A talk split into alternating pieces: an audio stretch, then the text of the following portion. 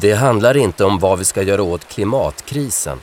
Vi måste istället backa och sluta göra en massa saker. Mänskligheten måste anpassa sig, skriver Max Jonsson i en debattartikel i Svenska Dagbladet. Det är sällan det går att läsa den sortens kritik i etablissemangsmedia. För det är en uppmaning om att vi måste förändra våra liv och leva enklare om inte mänskligheten ska förinta sig själv. Jag tror att det är många som håller med om det men inte vågar tänka tanken fullt ut. För då är ju själva civilisationen vi är en del av orimlig.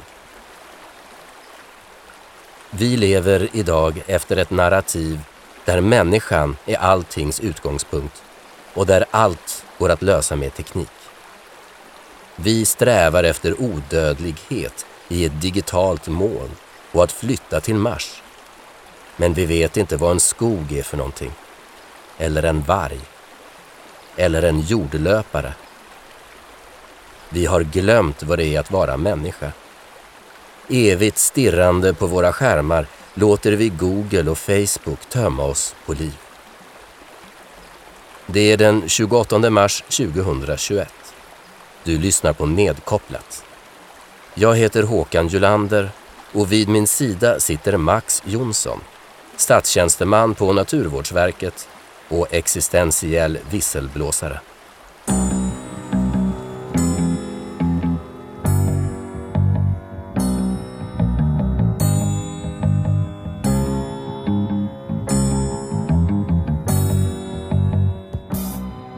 Ja, tack. Jättekul att jag fick komma. Eh, ja, men Max Jonsson heter jag då. Eh, och eh, jag är väl eh, civilingenjör egentligen i grunden, men eh, har väl eh, varit väldigt engagerad i miljöfrågor så länge som jag, ja, sen gymnasiet egentligen eh, var det nog. Jag har jobbat på Greenpeace och jag har engagerat mig på olika sätt. Ehm, och idag så jobbar jag som tjänsteman då på Naturvårdsverket och jobbar med miljö och klimatfrågor på olika sätt. Ja, alltså, jag skrev den här artikeln av, av olika skäl. Eh, Främst skulle jag nog säga att jag ville bjuda in till ett eh, uppriktigt samtal, skulle jag nog säga. Eh, och Det handlar ju om att, att eh, helt enkelt erkänna att det, den kurs vi har nu, det är en återvändsgränd. Och, det här är liksom ett perspektiv som jag inte tycker ryms och det är kontroversiellt och det är väldigt ofta, tycker jag, förbjudet att, att lyfta in det här sättet att se det på. Och, i, I min utgångspunkt så kommer vi ingenstans om inte vi ändrar på det här. Och hur tycker du att det togs emot då? då? Nej, men, jag eh, har ju funderat mycket på också varför, alltså hur har vi hamnat här och sådär.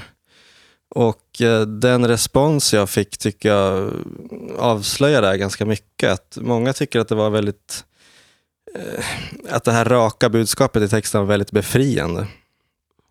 Och att eh, jag tror många är förtrollade av den här liksom idéhistoriska arvet om framstegsmyten, eller vad man ska kalla det. Att vi, människan kan överlista och besegra allt, till och med ekosystemgränserna. Ja, för det var ju eh, en ordförande i Moderata ungdomsförbundet och en annan Moderat ungdomsförbundskvinna som, eh, som eh, svarade dig på din första artikel. Mm. Och där, när man läser den, då anar man ju någonting religiöst i vår tid, tycker jag. Man måste tro på människan, på vår unika förmåga att lösa alla problem. Och, till, och de här reglerna vi har satt upp, de är ju heliga. Liksom. Mm.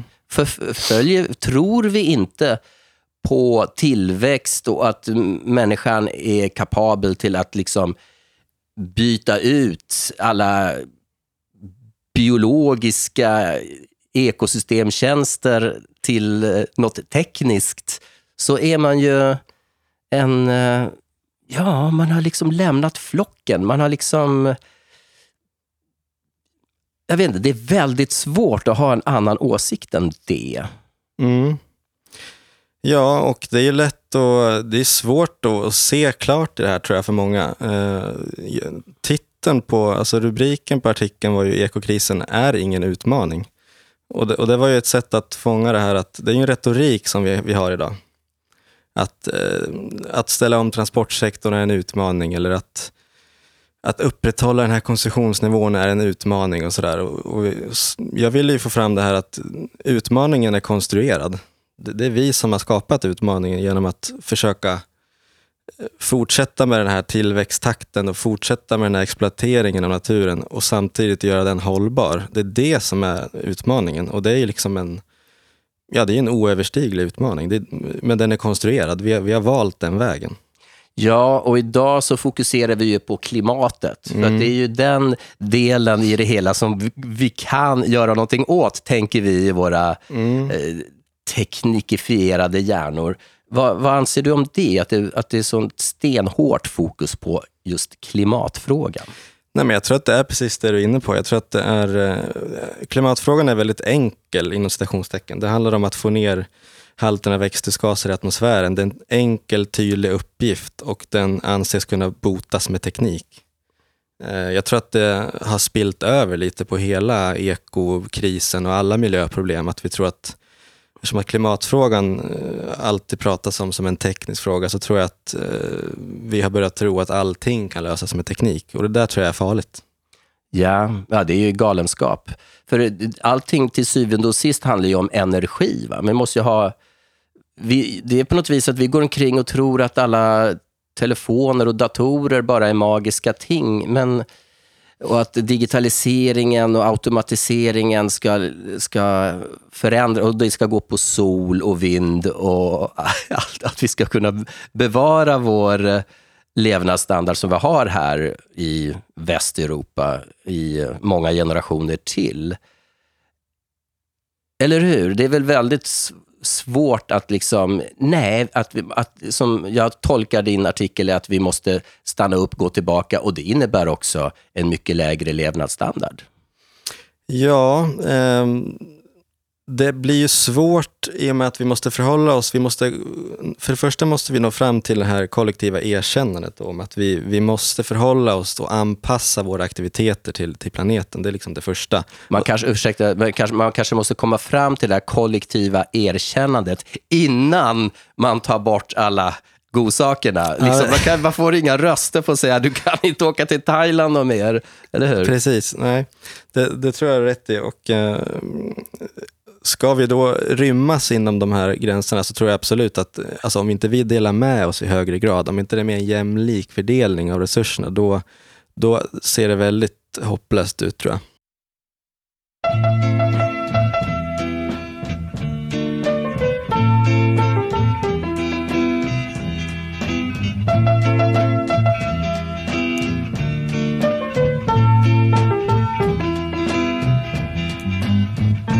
در میونه دو تا چشمون قشنگه لونه کرده. شب تو موهای سیاهت خونه کرده. دو تا چشمون سیاهت مثل شبهای منه. سیاهی های دو چشمت مثل غمهای منه Någonstans tycker jag att alla vet om det här på ett eller annat sätt. Om det, en, det kan vara mer eller mindre aktivt på det sättet man blundar inför det här. Men det är lite kusligt tycker jag att, att det är så förbjudet att prata om. Och det var också skälet i texten, att försöka för, som jag skrev, att försöka förstå Um, varför är det här så kontroversiellt och, och, och varför och på vilket sätt uh, blundar folk för, för det här problemet? Precis, vad menar vi? Jag tror många som lyssnar på det här undrar också lite, ja, vad är det vi ska göra mindre då? Vad är det vi ska göra istället? Vi kanske inte ska göra mindre, men vi ska göra andra saker. Eller, vad, ja. vad, eller är, det helt, är det också en stor del i hur vi måste förändra oss som människor, att helt enkelt göra mindre? Att liksom bara gå ut i skogen och göra ingenting och sitta och spela schack i några timmar och inte ha den här pressen hela tiden att det ska mm. bara hända grejer. Nej, men jag tror att eh det var också faktiskt eh, en anledning till att jag ville få komma ut med det här i, i svenskan. För att jag tror att anledningen till att många blundar för, för det här problemet, eh, att, att det här, den här nuvarande kursen är en återvändsgränd, det tror jag är för att man upplever en omställning där vi ska inom citationstecken backa eh, som en, eh, någonting väldigt tråkigt eller någonting väldigt eh, läskigt. Eller, man förstår kanske inte riktigt vad det innebär och man, man tycker att det handlar om en uppoffring i stor grad. Och jag vill, ju, jag vill ju hävda att jag tror att eh, det handlar inte om att vi ska omvärdera vad det är som är ett gott liv. Jag tror det snarare handlar om att vi ska återknyta till det goda livet. En, en mänsklighet som, som har insett sitt misstag inser att vi måste förhålla oss till, till planetens gränser och vi ser eh, vi börjar betrakta det här som utopin istället. Det är det här som är den, den, den, den riktiga utvecklingen. Eh, då tror jag, då finns det inga gränser för, för vad vi kan skapa för, för typ av samhällen, tror jag. Eh, men det är bara det att det måste inte paketeras i form av eh, en hög teknologisk expansion. Vi sitter här och pratar om vad vi måste sluta göra, men vi tänker inte så mycket på hur det, hur det kan se ut, för vi vet inte. Jag tror att eh, att sluta göra innebär en, eh, att återgå mer till det lokala, för mm. det första. Eh, jag tror att vi mår väldigt bra av att se det sammanhang som vi är en del av. Att kanske till och med ha en relation till den personen som vi handlar bröd av. Eh, att få ett lugnare tempo, att få tillgång till mycket mer tid till att eh, utforska livet, eh, umgås med familj och vänner och eh, det, alltså det är ju väldigt stora förändringar, men, men det, jag, jag, skulle inte... Det, det är ju bara ett perspektiv hur man ser på det, om det handlar om att backa eller om det handlar om att ta ett enormt kliv framåt. Men det, det där är ju det är därför, därför vi har semester, så vi ska göra de sakerna. Då ska vi knöla in det här, eh, att eh, lära känna familjen igen och åka till en mysig by i Medelhavet kanske, om man har råd med det. Där man, köper, där man lär känna kvinnan i eh, bageriet och etc. Varför inte, varför inte leva så hela tiden? Exakt. Och det är de här vinsterna som jag tror att vi måste, vi måste lyfta helt enkelt. För att ändra den här, den här berättelsen om att det handlar om en, en börda och eh, olika länder ska ha olika bördefördelningar i att minska på sina aktiviteter och sådär. Jag tror att vi måste ju helt och hållet skifta den här idén om att det handlar om att, eh, olika uppoffringar, utan det handlar om att vi ska till en ny plats som är mycket bättre. Just det, tänk positivt. ja. Ja, men faktiskt. Att det ska vara kul, kul att göra motstånd, kul att göra revolution. Liksom. Nu sa jag ett ord som är ganska läskigt, revolution. Men eh, det du det du beskriver i din, eh, din debattartikel, är det revolutionära åsikter? Ja, det är ju absolut eh, att anse som radikala åsikter baserat på den responsen jag fått. Um, det måste ju till ett systemskifte av aldrig tidigare skådad karaktär och, och det är väldigt fort. Ehm, så att eh, jag skulle vilja svara ja på den frågan tror jag. Jag brukar tänka att om vi var lika visa som naturfolken, som eh, Nordamerikas urinvånare och samer, då, de förstod mycket bättre att vi är en del av naturen, att vi inte är mm. någonting annat. Vi är, bara, vi är bara en normal del av den och vi kan inte fucka, fucka upp för mycket, för då dör vi själva. Liksom. Och, och, för att vi ska liksom uppnå det livet så måste vi, herregud, alltså det är en sån fullständig för sätt att tänka? Jag tycker väl att vi måste... Det här tycker jag är ett yppligt exempel på hur man kan börja. Eh, vi måste börja prata om det här. Eh, jag tror att det är väldigt många människor som, eh, som mår väldigt dåligt idag. Eh, och det kan vara svårt kanske att veta varför till och med. Ehm, jag tror att om man börjar lyfta det här med att det skulle vara en uppoffring och, och, och skruva ner på, på volymen av våra aktiviteter och att eh, börja sakta ner tempot, det tror jag är fortfarande någonting som vi måste prata om att det inte är. För att um, vinsterna med att, att börja trappa ner, tror jag, skulle vi börja fokusera på dem, då tror jag hela diskursen skulle ändras faktiskt.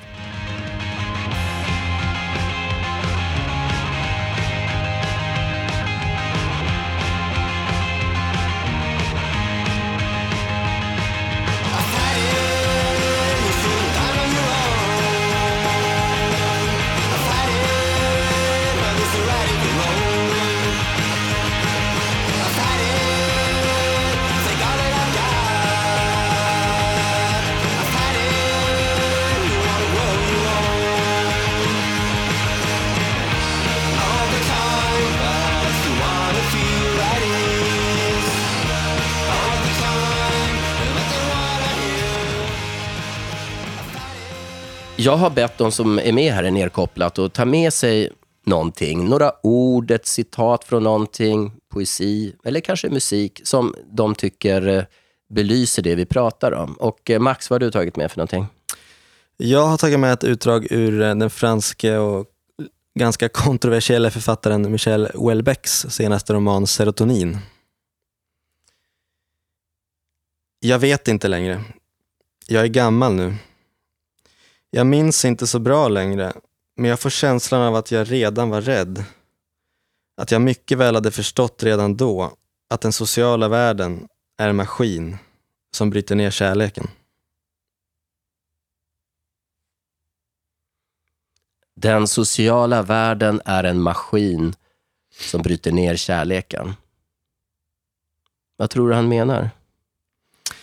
Ja, men jag tror att han eh, försöker fånga, det, det, är väldigt skickligt eh, fångat där tycker jag, hur, hur den här väldigt globaliserade marknadssamhället eh, slår ut den lilla människan och det lilla lokala livet. Och man får ju följa i boken en, eh, en person som försöker upprätthålla ett, ett litet ekologiskt jordbruk och sådär och hur det är omöjligt att Eh, att, att liksom eh, kunna konkurrera med de här eh, med globalismen och sådär. Och jag tror att eh, den här väldigt egentligen fruktansvärda personen som huvudpersonen är i, i den här boken.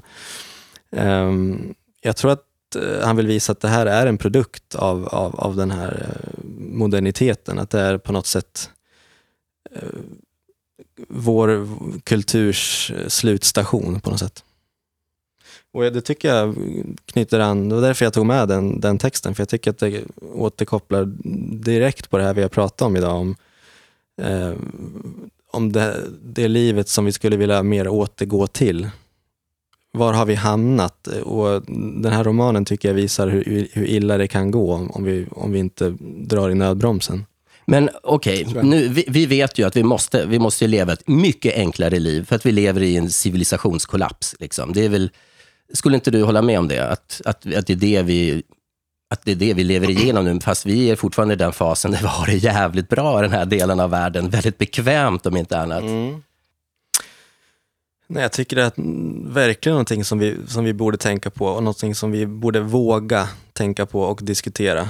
Eh, jag, civilisationskritik har ju funnits eh, alltså långt innan miljökrisen.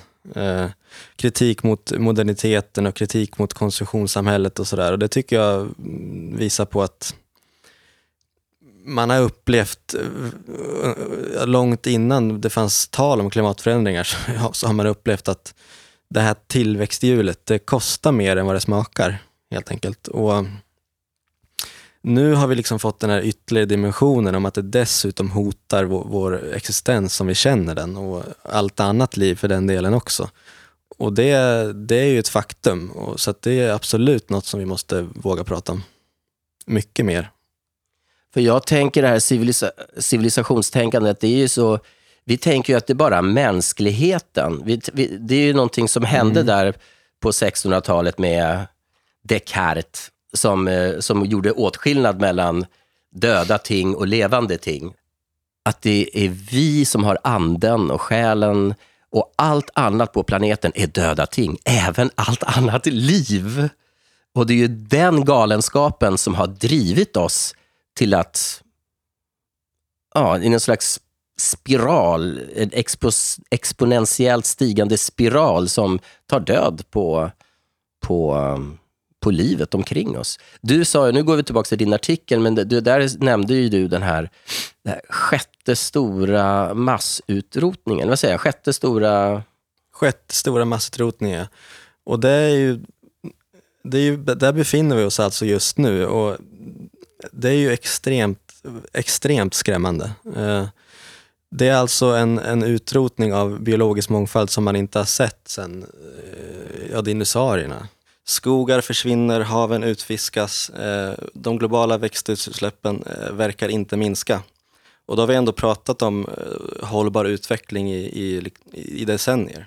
Biologisk mångfald är ju liksom det, det är det kanske viktigaste kriteriet för, för stabilitet i de här jätteviktiga funktionerna i planeten. Och som, som du hör nu så pratar jag fortfarande bara ur ett mänskligt perspektiv som du är inne på. Debatten förs ju hela tiden utifrån ett mänskligt perspektiv. Och eh, ofta är det ju de här ekonomiska termerna som smyger sig in i vårt språk också. Man pratar om ekosystemtjänster till exempel.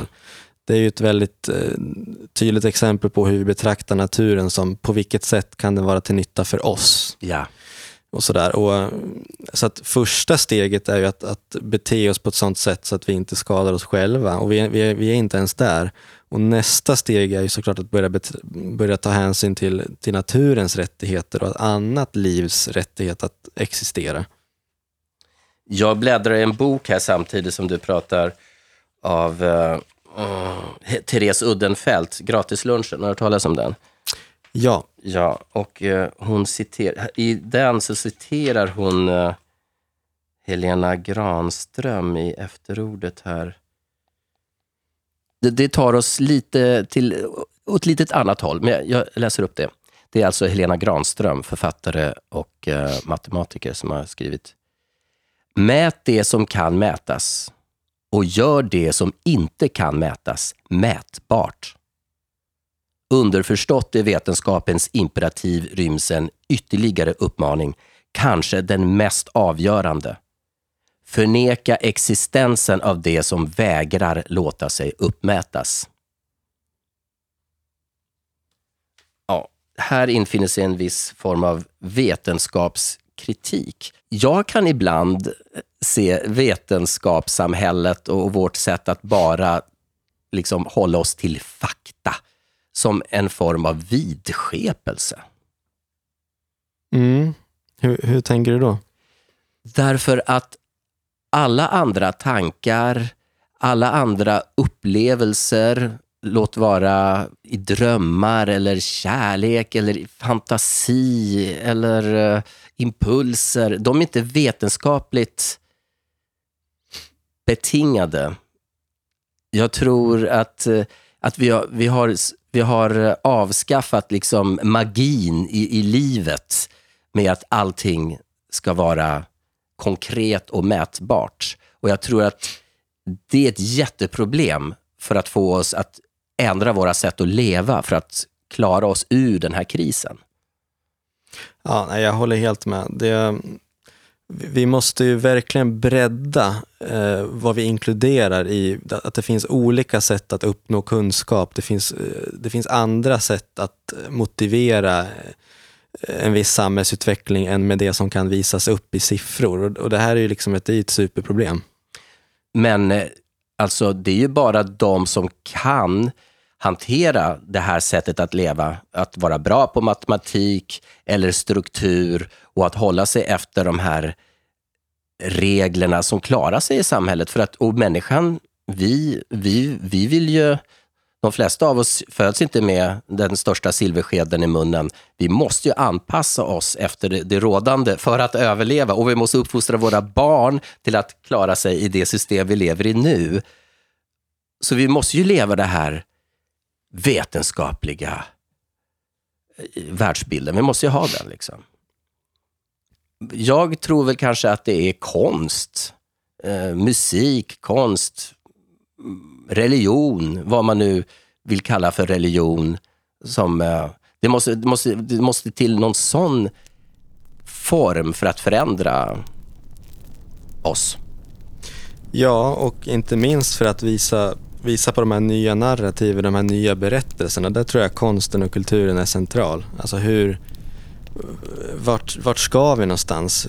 Alltså att hjälpa oss att visualisera de här nya, det riktigt omställda samhället. Hur ser det ut? Eh, Så där, där tror jag, där, måste, där behöver vi stor hjälp från konsten och kulturen.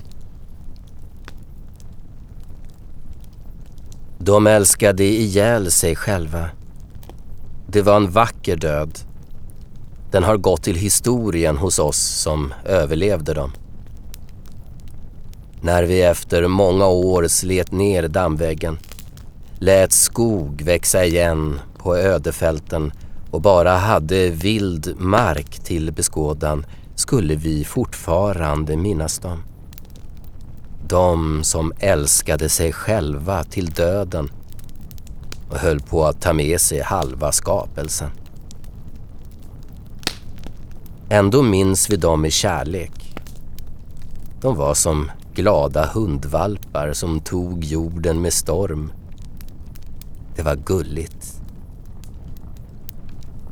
Det är skönt att det är över nu. Men det mysterium de väckte finns kvar. Kärleken de skapade finns kvar. Den väntar på nya liv att omfamna. Om några hundra miljoner år kanske. Men vi är inte rastlösa. Vi har inga problem med att ha tråkigt. Nästa gång apor går loss på magiska svampar och börjar abstrahera symboler hoppas vi att de även lyssnar på oss. Men vi får se. Nu är det dags för vila och återhämtning. Hälsningar, träden, älvarna och bergen.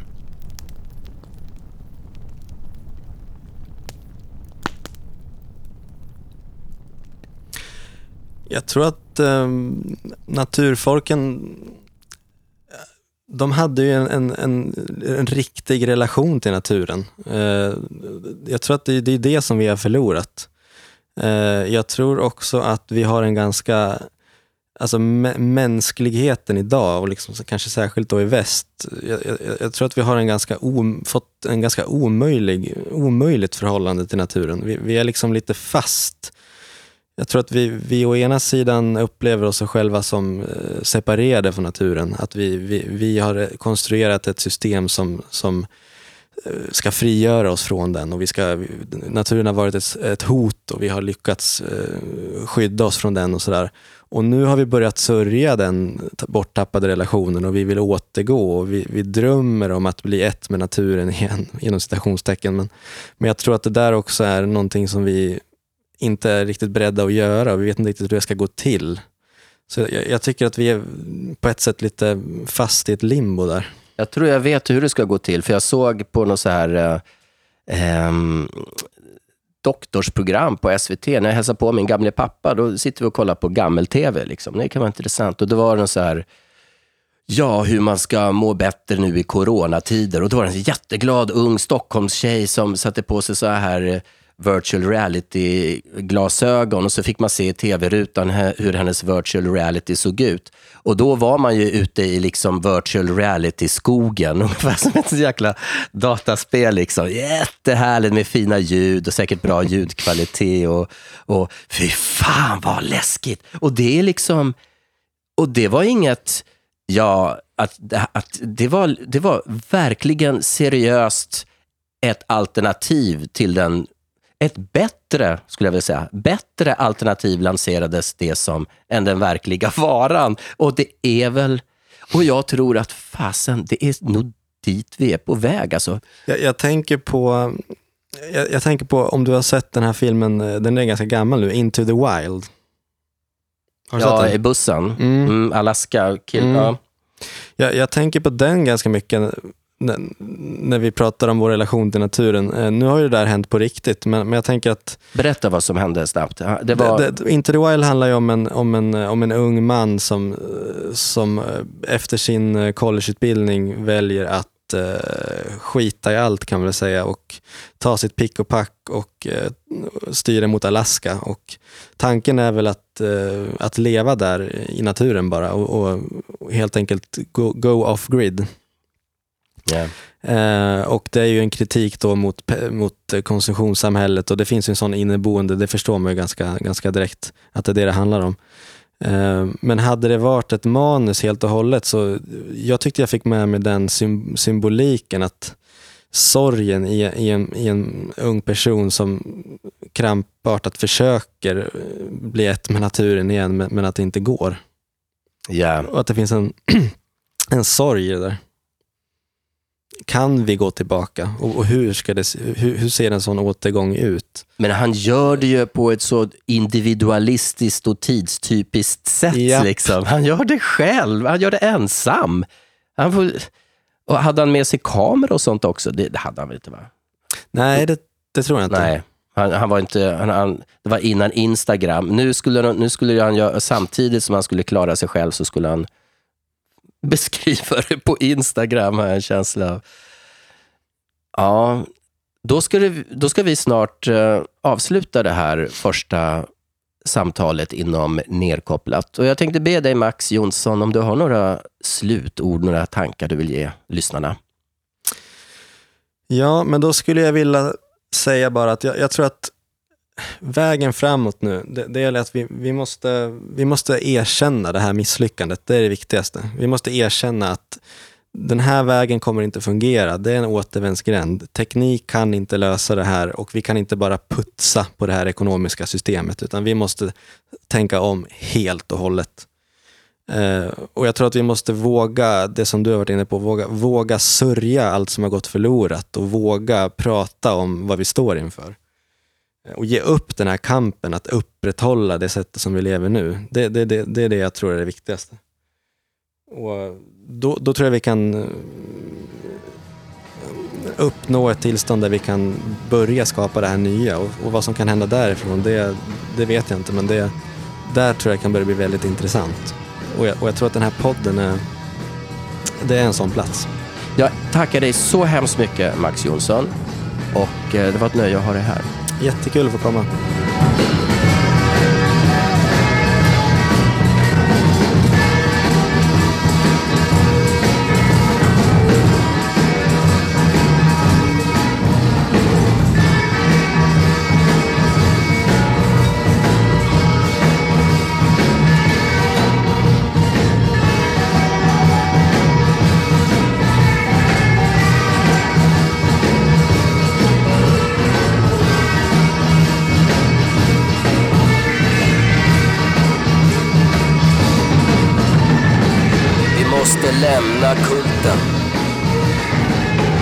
Annars har vi inte en chans. Vi måste hjälpa varandra att lämna kulten. Vi är missbrukare av våra spegelbilder. Vår kärlek har gått i spinn i sig själv. Och internet är vårt heroin. Som gör egenkärleken sakral. Vi måste tracka koden och förgöra oss själva i livets namn. I Guds den stora förgörarens namn.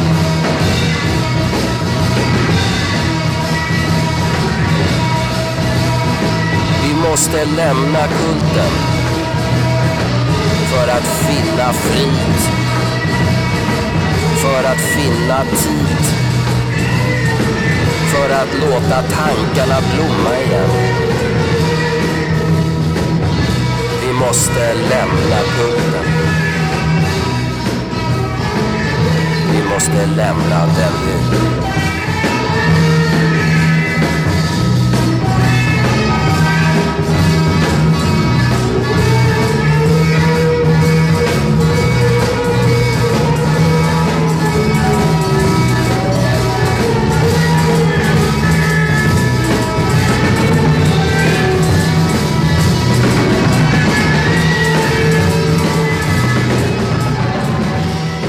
Har lyssnat på Nerkopplat, en analog dröm i en digital skenverklighet. Nerkopplat är en del av Folkets Radio, ett fritt forum för samtal, analyser och mycket annat. Nerkopplat är en podd som söker sin form.